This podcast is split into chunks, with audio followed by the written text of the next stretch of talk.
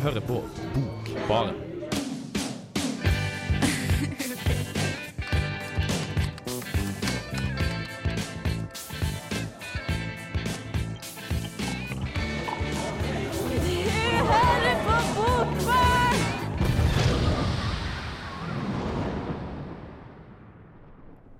God dag, god dag, og velkommen til Bokbarn. Helt ny, et helt nytt semester der, med mye bøker og mye bokprat og greier. I dag så um, har jeg en del gjester med meg i studio, så det er ganske svært for meg å ha tre gjester på besøk. Det er um, Siri bortpå her. Ja, morgen. Hei, hei. Studerer, du studerer allmennlitteratur? Ja, jeg er passende nok litteraturstudent. Yes, ja. så det er Men, midt, midt i blinken. ja, men jeg er her i kraft av å ha vært redaksjonssjef for Blaff poesi i forbindelse med Ugressfestivalen. Yes, det skal vi snakke mer om. Vi har Einar. Ja, Hei sann. Du studerer òg noe litteratur og greier? eller? Ja, har i hvert fall gjort det også. Og gjengen, studerer jo videre. Ja, ja, ja. Og Mathias. Ja, hei. Sist, men ikke minst. Sist, men ikke minst. Jeg har også studert litteratur, men uh, ja. Mm. Som sagt så skal vi prate om litt forskjellig i dag, og det er blant annet um, den her festivalen som kommer nå i Trondheim snart, som heter Ugress, som eh, litterært kollektiv vel arrangerer. Det stemmer. Dere, to av dere, eller alle tre av dere, er med i LK?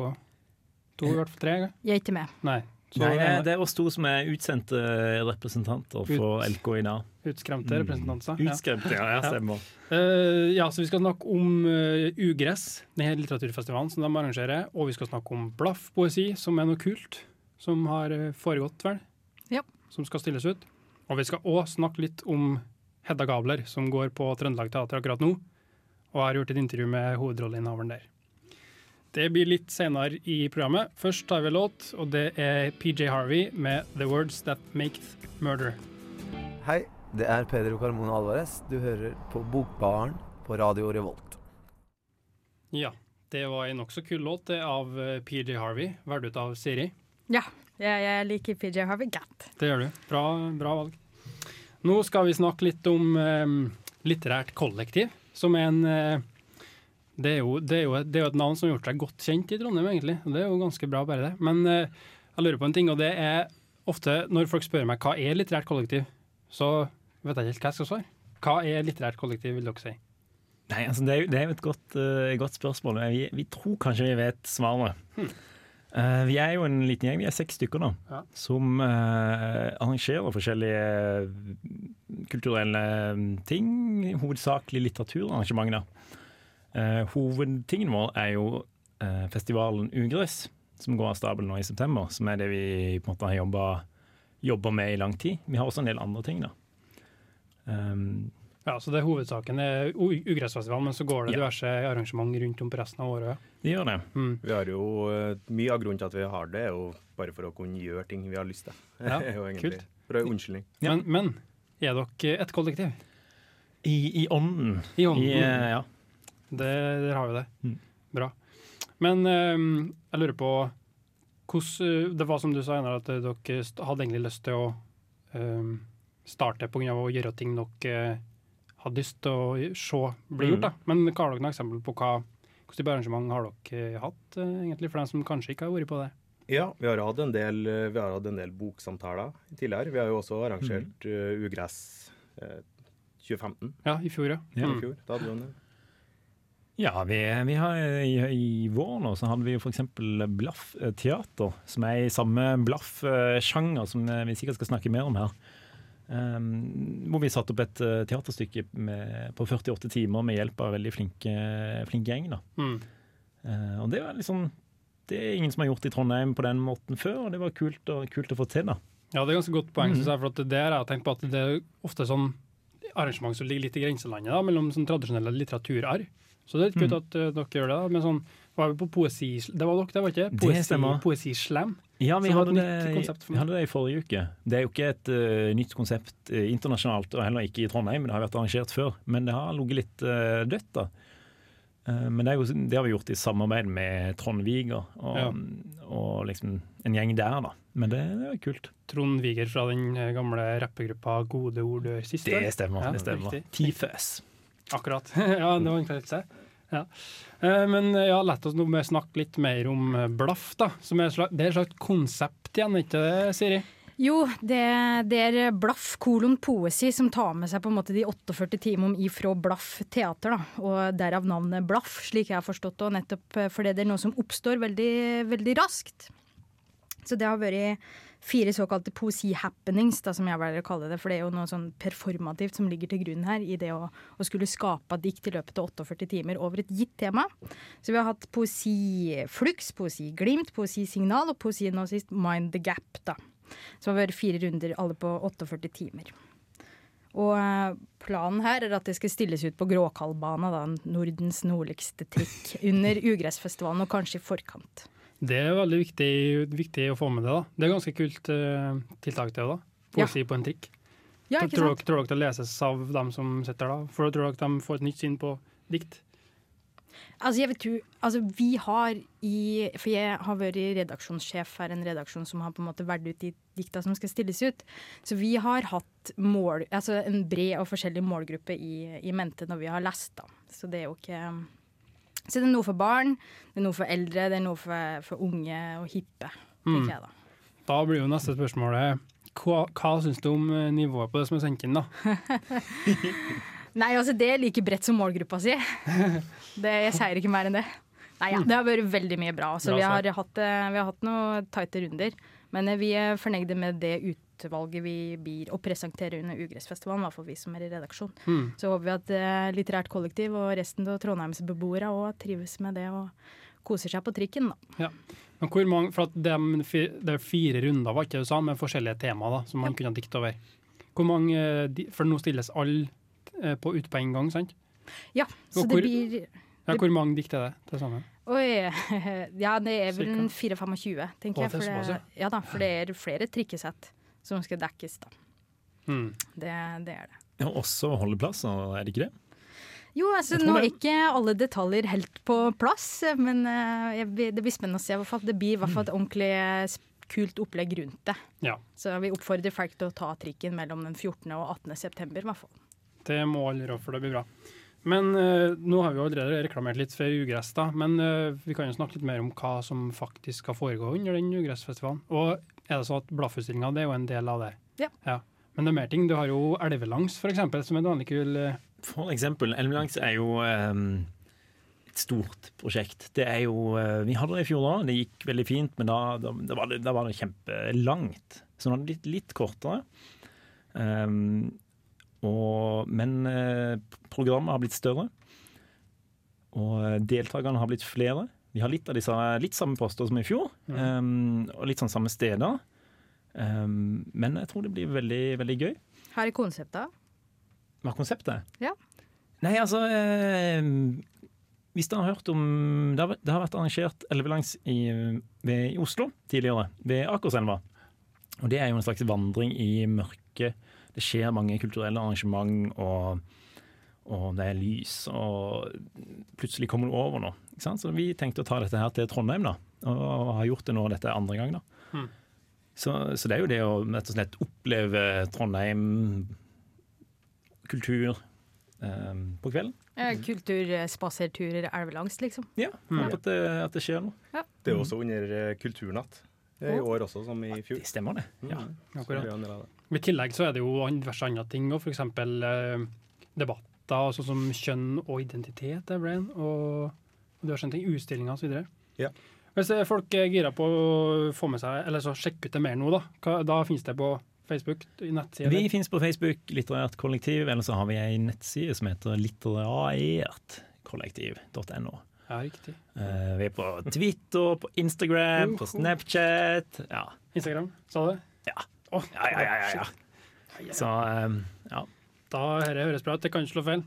Da tar vi en låt igjen, og eh, igjen er det Siri som har slått til med en god låt. og Det er jo da selveste David Bowie med Siggy Stardust. Hallo, dette er Karl Ove Knausgård. Hver gang jeg er i Trondheim, så hører jeg på Bokbaren. Et fantastisk, eh, fantastisk bokprogram. Før Karl Ove Knausgård der, så hørte du David Bowie med Siggy Stardust. En ganske kul låt, det. Um, en god tradisjon i Bokbarn da, det er jo å snakke om er På første sending i et nytt semester, det er å snakke om hva har vi lest i ferien. Og det skal vi òg nå. Er det noen som har eh, Jeg kan jo begynne, da. For å, bare for å Ja, gjør det. begynne, begynne, begynne der. Jeg har lest, det jeg hovedsakelig har lest i sommer, er Thomas Mann eh, med Dr. Faustus. Men jeg er ikke helt ferdig. da. Den er på 600 sider, tror jeg. Jeg har bare lest 400. Og så har den egentlig stoppa opp der, egentlig, for eh, den er så tung. og eh, Egentlig må jeg si iblant veldig, veldig givende og veldig ja, artig, kanskje ikke rett ordet, men også den, det driver inn da. Mens av og til òg så blir det ganske tungt stoff og ganske kjedelig.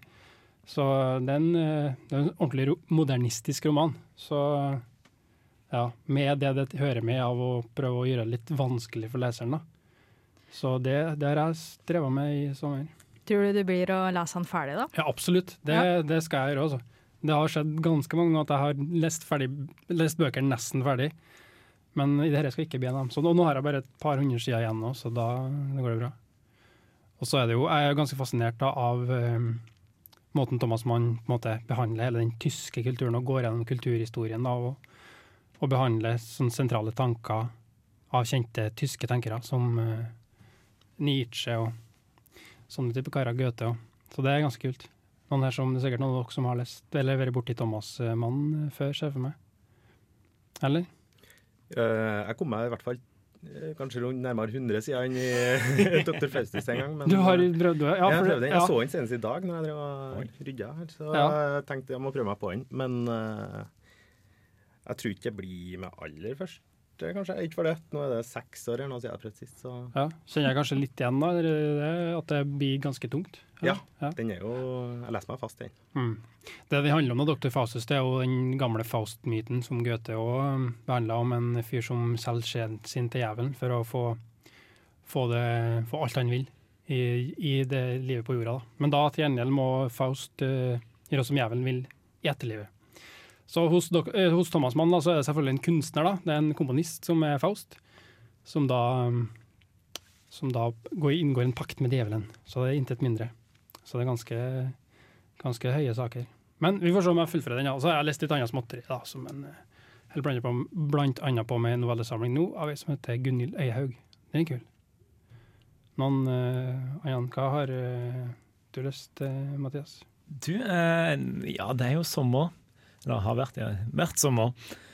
Eh, og da må man lese de bøker man ikke eh, får plass til ellers. Så jeg har eh, slått til med en skikkelig murstein. Eh, Jonathan Little. Eh, De velvillige heter han på, på norsk. Det handler om en sånn eh, tysk SS-offiser som eh, ja, utagerende fyr, kan du si. Ja. Eh, og andre verdenskrig da, følger på en måte han gjennom hele krigen. Eh, og det er en brut veldig brutal, brutal bok. Ja. Eh, Har du kommet gjennom, eller er du på mitt jeg kom igjennom, jeg kom det, ja. igjennom tidligere i sommer. Det var, det var faktisk et par dager. Det var en helt vanvittig roman. Mm. Kjenner meg i hvert fall veldig igjen i det at Mm. man på en måte Du har så mye man må lese som student, i hvert fall ellers i året. Og når sommerferien da kommer, så tenker jeg OK, nå skal jeg slå til en skikkelig murstein, liksom. Og så ja, må man gjennom det, da. Det er ikke alltid det slår til, men uh... Nei, Mm. det er ikke det. Jeg òg har eh, rydda litt opp i leselista mi, så mann ligger lenger nede. Så jeg har ikke kommet meg helt dit ennå. Hva har du på lista av han, da? Eh, Det er eh, Trolldomsfjellet, eller Trollfjellet. Jeg har faktisk begge oversettelser, for jeg kjøpte gæli først. Men nå husker jo ikke hese som riktig lenger heller, da, for den ene er jo oversatt i en modernistisk oversettelsestradisjon, så alt er oversatt til norske begreper og norske steller. Mm. Og det har jeg jo ikke lyst til å lese. Er det, er det Trollfjellet, jeg tror? Den Ja, det lurer på det. Og så Trolldomsfjellet er den andre, ja. Ja, jeg tror det. den derre klassikerutgava til Gyldendal, eller et eller annet på det. Men det jeg har rukket å lese, det er Michelle Hollebeck sin 'Underkastelse'. oi. Har du lest den? Ja. ja. Nei. Ja, OK. Du står eh, og sperrer opp øynene, Mathias. Ja, nei, du? jeg leste den i fjor, men jeg vil ikke, vil ikke kaste noen dom her. Men det er en ganske brutal bok, det òg. Den er brutal, ja. Ja. ja den er, eh, det handler jo Altså, tittelen sier alt, Mm. for å si det sånn. Og jeg har ikke lyst til å si egentlig så mye den handler om, for jeg syns folk bør gå ut og lese den. Mm. Rett og slett. Eller ikke gå ut og lese den, men gå ut og kjøpe den, og så gå inn igjen og så lese den. ja. Kanskje vi kan si litt om han uh, Hollebekk, hva den heter? Ja, han er, Han er jo f en veldig, en av de største franske forfatterne nå, eller? ja, så, ja, han er jo det. Han er eh, kjent for å skrive litt like høyrereaksjonært og veldig misogynistisk, da. Og det liker du? Ja, det er artig at du spør meg om det. Da. Her står egentlig uttalt feminist, så er det kanskje ikke de aspektene ved Hollebecks forfatterskap jeg setter mest pris på. Men det er jo spennende for meg å få et lite innblikk i den andre leiren, da. Ikke sant? Ikke ofte derfor man leser måte for å lese noe man ikke kjenner til, egentlig. Heller enn eh, noe ja, altså Det er artig å lese når man bare tenker ja, jeg er så enig òg, men ja. Men eh, ja, du har lest Hollebeck, og noe mer òg, ikke det? Jo, jeg har lest eh, Gabriel Marki, Mar Garci- Garcia. Garcia Marquez sin 'Kjærlighet i korens tid'. For øvrig en fantastisk eh, kjærlighetsroman. Ja. Og så en biografi om Polan Devu. Hvem er det? Eh, det er en indisk bandittdronning. Så det er jo, hun har skrevet den sjøl av forferdelig dårlig litteratur, altså skjønnlitteratur, men eh, historien hennes er veldig spennende. Hun Var var eh, kasteløs eh, indisk jente, utsatt for veldig mye voldtekter og veldig mye ja. Altså, hun hadde jo ikke noen rettigheter, så hun krevde dem. Eh, så hun endte opp som bandittdronning og tok en del hevn på de som hadde um, overgripet seg på henne, da. På eh, veldig fysisk eh, brutale hevner. Og så endte hun faktisk i den indiske regjeringa før hun da ble skutt og drept i jeg tror det var 2004. Ja. Men Det er, en, det er en biografi, da, så det, det er ikke en roman. Det er et ordentlig, ordentlig liv. Ja, Ja. det er det. Det var ukjent for meg. Det må jeg kanskje sjekke ut. da. Google that shit, ja. Google that uh, shit. Ja. Mm.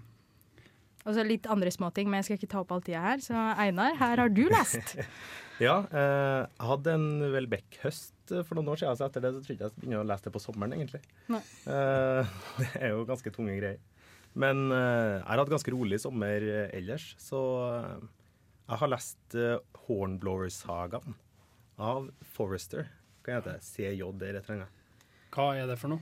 Det er jo, egentlig så er jo Hardy-guttene bare at det er lagt til Napoleonskrigen, og det handler om én fyr som er ute øh, og seiler i britiske marinen. I, øh, ja, gjennom følge livet hans. Men uh, følger du Napoleon på noe tidspunkt, da? Ja, eller han rømmer jo så å si fra klørne til Napoleon personlig, og klarer å avverge at Napoleon rømmer fra elva på et tidspunkt. Så det, altså det, er, det er action Etter de ti første sidene av første boka, så er det sånn Han har senka en spansk fregatt og klart å innta et forsvarsverk og bli, eh, klarer å bli, styre unna et brannskip fra hele den britiske flåte. Det er ikke måte på. Det er ti sider. Og sånne slag i slag gjennom ja, tolv det- bøker. Det er en skikkelig page-turner, det der. Ja, veldig. Jeg så du, Mathias, du glisa godt. Har du vært borti samme greia, eller? Ja, jeg, jeg kom over en gammel, eh, gammel utgave av ellevte boka, tror jeg det var. Ja, ja. Og den er gitt ut i 45. Var det så gammelt? Um, ja, det er, er jo litt gammelt. Men, Mm. uh, og det som er kult, er at bak der så er det liksom krigspropaganda. Altså britisk sånn Hvis du støtter eh, Ja, ja. det frie det, ikke sant? folk eh, Det- i England Altså, det skrives samtidig som under krigen Det er fra altså, eh, boka gikk ut da, under krigen. Så ja, det, så det, slutten av 30-tallet fram til Ja. eh, men, starten av men, men det 60-tallet. at siste. denne utgaven på en måte Ja, aktivt går inn som en slags sånn Dette er oppbyggelig litteratur som skal vise det britiske folket. Ja. eh, ikke sant? Synes jeg, ja, det er litt artig å finne på Mm. bøker, da, for det på en måte setter litteraturen i et eh, litt sånt annet perspektiv enn du kanskje ville ha møtt den med hvis du ikke hadde sett det. da. Mm. At det kanskje var tenkt som et innlegg i, i den tida. da. Du kan jo se på det som ganske oppbyggende hvis det er britisk og skal komme mot en overveldende overmakt. Det tror jeg nok. Ja, men franskmennene har jo alltid vært uttalt fiende, da. Først Britom. Så er det litt anti-Napoleon det her, eller? Eh, ja, ganske. Eh, men ikke så mye som de er anti-briter, og hvor dårlige de er på å være det. Da er det en link her da, for eh, Dr. Faustus er jo, handler jo om eh, det, det tredje riket, jo. Og Tysklands, eh, den store kulturnasjonen Tysklands fall over i det. Så har vi Frankrike, England, Tyskland her. Holdebekk handler om politikk. Hei! Fellesnevner. fellesnevner, Bra. Da hører vi Kristoffer Schou og The Dogs med låta 'Don't Let Me Down'. Dogs og 'Don't Let Me Down'. Som jeg sa litt tidligere, så driver jo Hedda Gabler av Ibsen og går ned på Trøndelag Teater nå. Og jeg har vært og gjort et intervju med hovedrolleinnehaveren, som heter Stine Fevik. Og nå skal vi høre eh, del én av to med det intervjuet. Jeg sitter i storsalen på Trøndelag Teater og venter på at forestillinga om Hedda Gabler skal begynne. I restauranten utom teatret har jeg kjøpt meg en kald, alkoholfri øl som jeg sitter og nipper til, mens jeg lurer på hvordan opplevelse det her vil bli. Hedda Gabler er skrevet i 1890, 126 år siden. Er det fortsatt aktuelt? Det er en av Henrik Ibsens senere verker, og det er også regna for øvrig en av de viktigste. Hedda Gabler kommer fra en viktig, rik og staselig slekt. Hennes far var general Gabler, og Hedda har vært omsverma av ungdommen.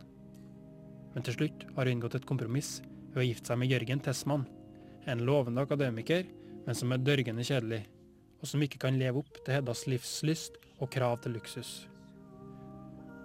Handlinga i stykket drives fram når Jørgen Tessmanns gamle venn og rival, Eilert Løvborg, flytter tilbake til byen. Etter flere års alkoholproblemer var Løvborg avskrevet som en slagen mann. Men nå har han kommet med en ny bok, som han sjøl mener vil revolusjonere kulturforståelsen. Det kommer fram at Løvborg er Heddas gamle flamme, en hun virkelig hadde et lidenskapelig forhold til. Kanskje Hedda aner en utvei fra sin ulykke. Hvis Eilert Løvborg har klart å reise seg, kanskje Hedda kan det òg? Stykket Hedda Gabler er bygd opp av noen fascinerende motiv. Den kalde, ironiske og bortvendte Hedda, som leker seg med skytevåpen, og som får latterkrampe av å late som hun skyter etter parets venn, assessor Broch, som har mer enn et godt øye til Hedda. Sammenligna med den kjedelige Tessmann, så lyser Heddas personlighet av lyst og styrke, desperasjon og galskap. Når Løvborgs dionysisk anlagte diktertalent stiger inn på scenen, er det klart det blir dramatikk. Trøndelag Teaters femmannssterke ensemble spiller dette stykket med sterk intensitet, der alle karakterenes særtrekk kommer til sin rett. Når jeg dagen etter forestillinga skal møte Stine Fevik, som spiller Hedda, var det med en viss frykt. Er hun like kjølig, intens og arrogant som jeg så henne på scenen, som Hedda? Nei, sier jeg til meg sjøl, hun er jo skuespiller. Men kanskje har hun litt av det. Min frykt ble gjort til skamme da jeg møtte Stine. En god skuespiller som selvfølgelig er helt annerledes i virkeligheten enn på scenen. Jeg var på forestillinga i går, og først og fremst må jeg si gratulerer med en veldig bra forestilling. Så hyggelig. Veldig bra. Um, før forestillinga, da jeg satt i salen i går, så hørte jeg noen damer som satt bak meg, som snakka om skuespillerne. Og så sa de Stine Fevik. Jeg har aldri hørt om Nei. Så jeg tenker kanskje du kan, eh, hvis du vil si litt om det, hva, hva du har gjort før? Ja. ehm, jeg har vært uh, frilans... Altså, jeg gikk på Hint, eh, den teaterskolen på Verdalen, Mm. i, eh, mellom 2009 og 2012. Og så, etter at vi var eh, I 2012 så begynte jeg å turnere med et fransk kompani i to år. Med en sånn fransk forestilling, så jeg var veldig mye i Frankrike, rett og slett. He, eh, og så var det ett år der jeg var frilanser i Oslo og gjorde litt masse forskjellige litt mindre prosjekter. Ja. Så har vi gått på Trøndelag Teater siden Siden november. Og har bare fått spilt doppler her, da, før uh, Hedda. mm. Mm. Akkurat. Men jeg er helt ukjent. Jeg har nesten ikke hørt om meg sjøl. Så ja. Ja. Vi får gjøre noe med det nå. Med, ja. um, husker du når du skjønte at det å spille noen annen, altså skuespill, var en greie Mm. som du interesserte deg for? Jeg husker det Altså Jeg husker ikke akkurat hvilken dato, eller, men jeg husker at jeg har alltid vært Sånn jeg tenker på det, så har jeg alltid liksom hatt lyst til å bli skuespiller. Men jeg tror, hvis jeg virkelig ser etter i hukommelsen, så var det når jeg var veldig liten, så var det egentlig ballettdanser jeg ville bli. Og da var det selvfølgelig outfiten som tiltrakk meg.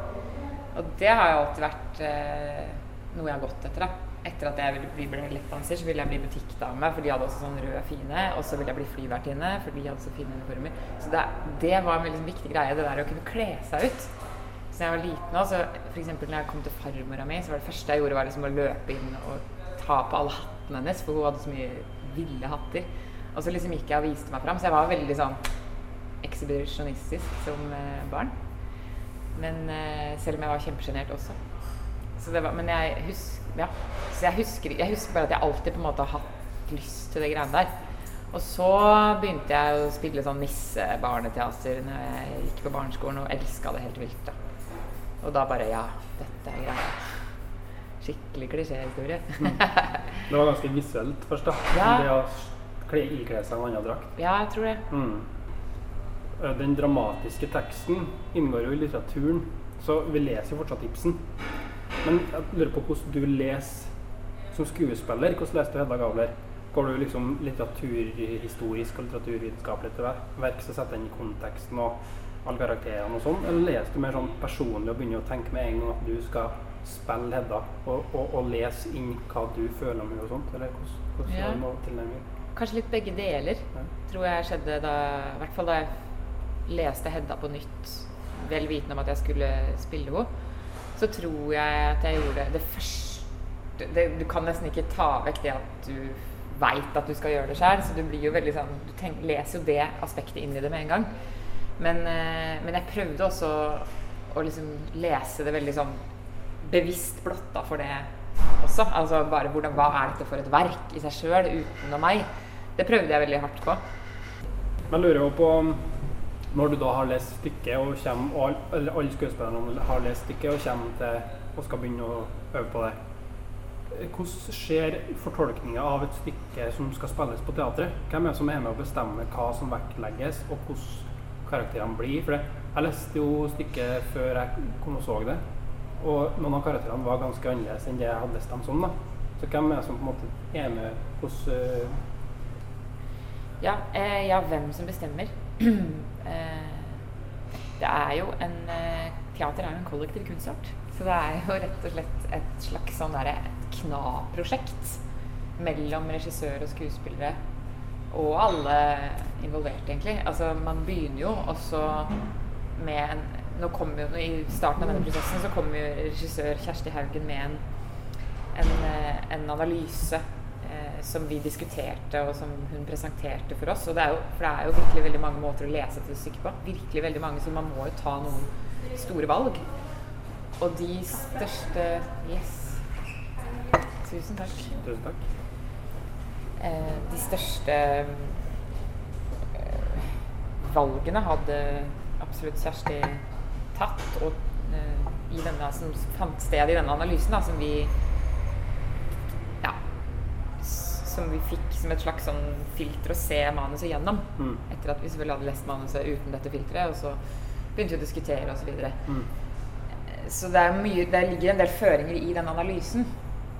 Men det ligger jo også veldig mye frihet i det. Så begynner vi å improvisere på gulvet, og så begynner man å bare liksom kna, da. Altså, man vet ikke helt hvor man går. så jeg vet ikke hvordan jeg skal svare på det. Nei. Altså etter hvert så får man bare eurekaer eh, for hver dag, liksom. Det var Trondheimsbandet Blomst med cowboy og indianere. Um, vi driver og, Det er Bokbarn du hører på, og vi driver og kjører et intervju med hovedrolleinnehaver i Hedda Gabler, som heter Stine Fevik. Så nå skal vi høre del to av det intervjuet.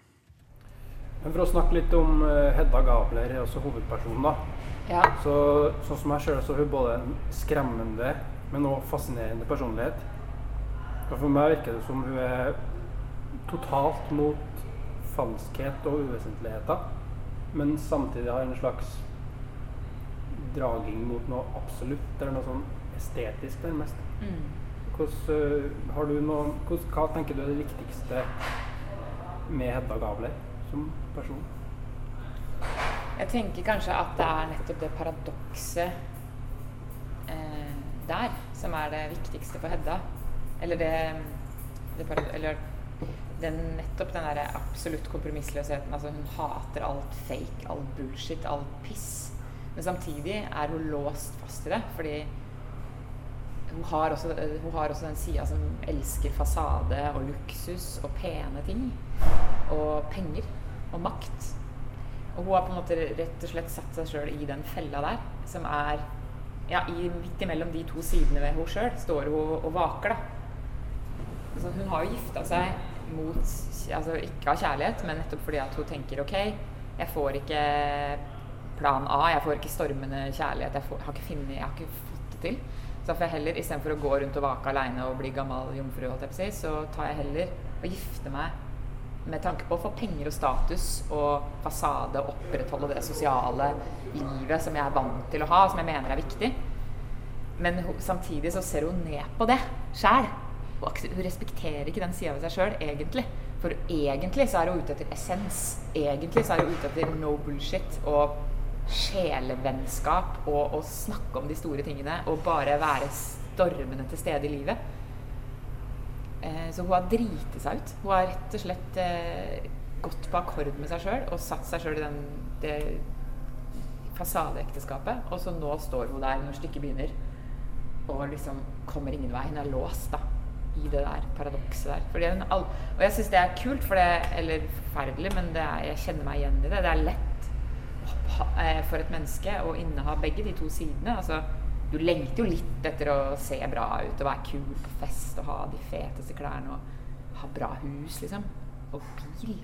Men samtidig så ser du jo ned på det materielle pisset der, for du veit at det bare er fasade. Eller jeg syns at det er gjenkjennelig og interessant at et og at det er kult at Ibsen bare setter de to tingene så tydelig inn i et menneske. Det gjør det komplekst og bra. Mm. syns du at eh, kjønn er særlig aktuelt i Hedda Gabler? Eller er det like mye et menneskelig drama? Da, da mener jeg jo kjønn så mye at det vi snakka litt om, da, at det at hun er kvinne og kanskje på den tida Ibsen skrev, var mer tvunget til å inngå ekteskapet. Men er, er det på en måte Er det kanskje å redusere stykket litt, hvis man kun ser det? Eller hva tenker du? Jeg tenker kanskje at kjønn hadde mer å si Eller jeg tenker at kjønn er vesentlig hvis, hvis vi hadde vært i 1890. Ja. Mer enn det er i dag. For i dag har man kvinner og menn større reell Altså i norsk middelklasse, si, større reell frihet, da. Så alle de aspektene ved at hun f.eks. ikke hadde noe egen utdanning eller e- andre valg Du må, måtte faktisk gifte deg. Det var en levevei. Eh, Det, det der, der spiller kjønn veldig aktiv rolle i, Mm. det, i 1890, men i dag gjør det ikke det.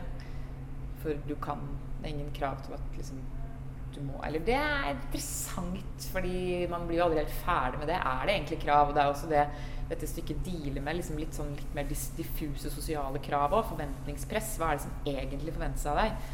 Eh, ja, vi kan jo si at man er 100% fri som kvinne i dag, og du trenger ikke gifte deg, men ja Men jeg mener faktisk Jeg har ikke tenkt på dette med kjønn som så veldig present i vår versjon som jeg hadde tror jeg hadde gjort det hvis jeg hadde levd i 1890. Ofte når jeg er på teatret, så, så blir jeg ganske forvirra over det moderniseringa Mm. og det forsøket på aktualisering som skjer. Um, hva tenker du om det? Altså det at man hele tida er nødt til å modernisere teaterstykker og prøve å holde dem aktuelle i forhold til det å bevare verkets egenart og det som på en måte er det som uh, står i teksten, da, i helt tilfelle Ibsens tekst. Kan, kan, synes du det kan være å balansere på en knivsegg, eller? Absolutt. I mange tilfeller. Eh, noen ganger så syns jeg det bare blir sånn krampaktig aktualisering. Vi bare tar på noen frekke kostymer og slenger på noe faen, eller, eller sier noe sånn frekke ting, eller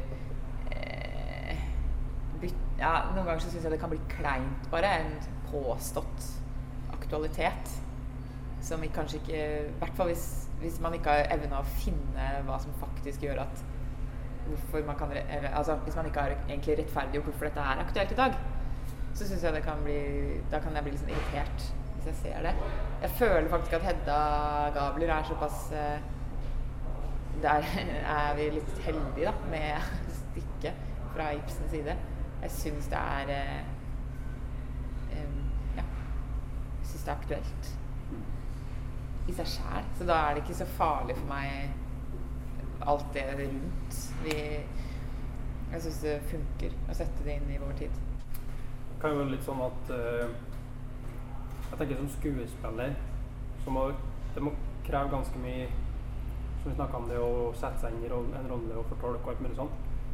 Er sånn at du greier når du går inn fra jobb og ikke tenker mer på det? Eller er det, sånn, er det en jobb som du må drive med 24 timer i døgnet? Jeg er ekstremt dårlig på å legge fra meg jobben.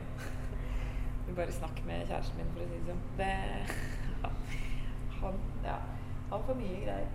Nei, eh, jeg er dårlig på det. Jeg øver veldig på å legge fra meg jobben. Eh, skikkelig dårlig på det. Jeg går liksom hjem fra teatret på gata og bare sånn Nei, faen! Altså, å, så, å nei! Jeg må liksom debrife, da. Eh, og sånn som i går, eksempel, når det var 100 år siden jeg hadde spilt det, så lå jeg jo hele natt og bare Hva var det jeg dreiv? Altså, de der tankene surrer. Eh, men eh, jeg veit ikke. Man må bare gjøre masse yoga. Og øve kontinuerlig på å legge det fra seg. Og der tror jeg vi er også, altså folk er veldig forskjellige. Jeg er, jeg er dårlig på det, men jeg skal bli bedre. Tenker du at det er noen eh, Er noen god link mellom eh, svensk dansebandmusikk og Hedda Gabler?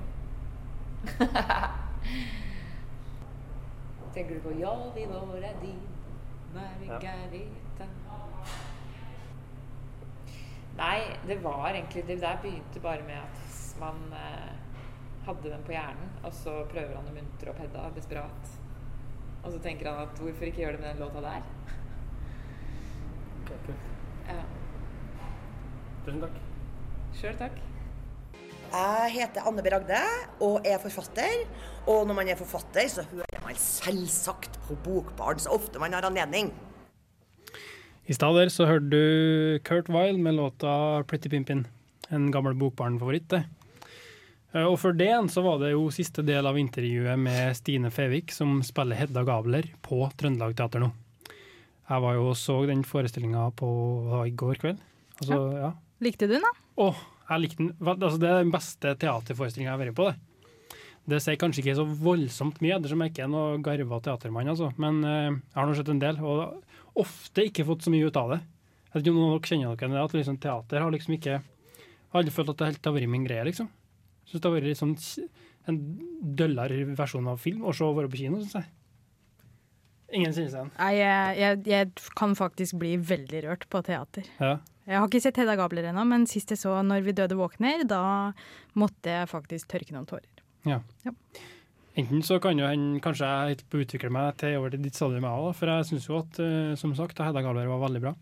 Og det jeg likte med det, var For jeg hadde lest det på forhånd, men det som jeg likte, var at de karakterene jeg hadde lest om, da, som jeg for så vidt syntes var gode og dype karakterer i seg sjøl, fikk et sånt voldsomt liv på scenen. da. Og jeg kosa meg med å se på skuespillerprestasjonene og på en måte ja, bli enda mer kjent med karakterene som sto der som virkelige mennesker. liksom. Det er, det den opplevelsen man skal ha av teatret, men eh, det er ikke så ofte skjedd. Men eh, er det noen av dere som har noe forhold overhodet til Hedda Gabler? Jeg har sett uh, ei venninne lage en filmatisering av stykket faktisk på videregående, eh, som jeg har sett, da. Men jeg har ikke lest det. Men jeg gleder meg gæfælt til å gå på Trøndelag Teater og se det. Ja, for det skal dere alle, tenker jeg. Ja, må jo det. Ja, ja, ja, så bra. Jeg anbefaler alle Bokbarnens Bokbarns lyttere òg for å, å se det. Helt eh, til slutt i Bokbaren i dag så eh, tenkte jeg vi kunne ta opp igjen tråden litt og minne alle lytterne på Litterært kollektivs festival. Det er vel en festival? Ugress. Ja. Og eh, noe av det kuleste på programmet snakker vi om her, det er jo kanskje den, den, den trikkekonsert. Ja, for vi snakka jo om blaffpoesi på trikken i stad, så hadde jeg veldig lyst til å snakke om konserten nå, fordi vi skal ha konsert. Eh, med Frode Grytten og Pedro Carmona Alvarez. Kommer og spiller, de har et show som er veldig kult. Eh, på trikken, ja. Har det, har det, er det sånt show de har hatt før, eller er det bare Ja, de har litt forskjellige variasjoner over dette her. Noen med mye folk, og noen med få. Nå blir det bare de to. Det blir, det blir gøy. Wow. Ikke noe mye forhold til Frode Grytna, men Pedro Carmona Alvarez han er veldig glad i å lest eh, en god del av det han skrev. i hvert fall. Så Utrolig bra fyr, syns jeg. Så det blir spennende. Gå inn for all del og lik Litterært kollektiv på Facebook. Og stikk på deres eh, arrangement utover. Ja, det blir jo eh, Ugress går fra dato 14. til 18. september. 14. til 18. Mm. september, og ellers òg rundt omkring på året. Takker gjestene for besøket i dag. Tusen takk. Takk sjøl. Vi takker for oss med bandet Manna med Den andre sida. Ha det bra.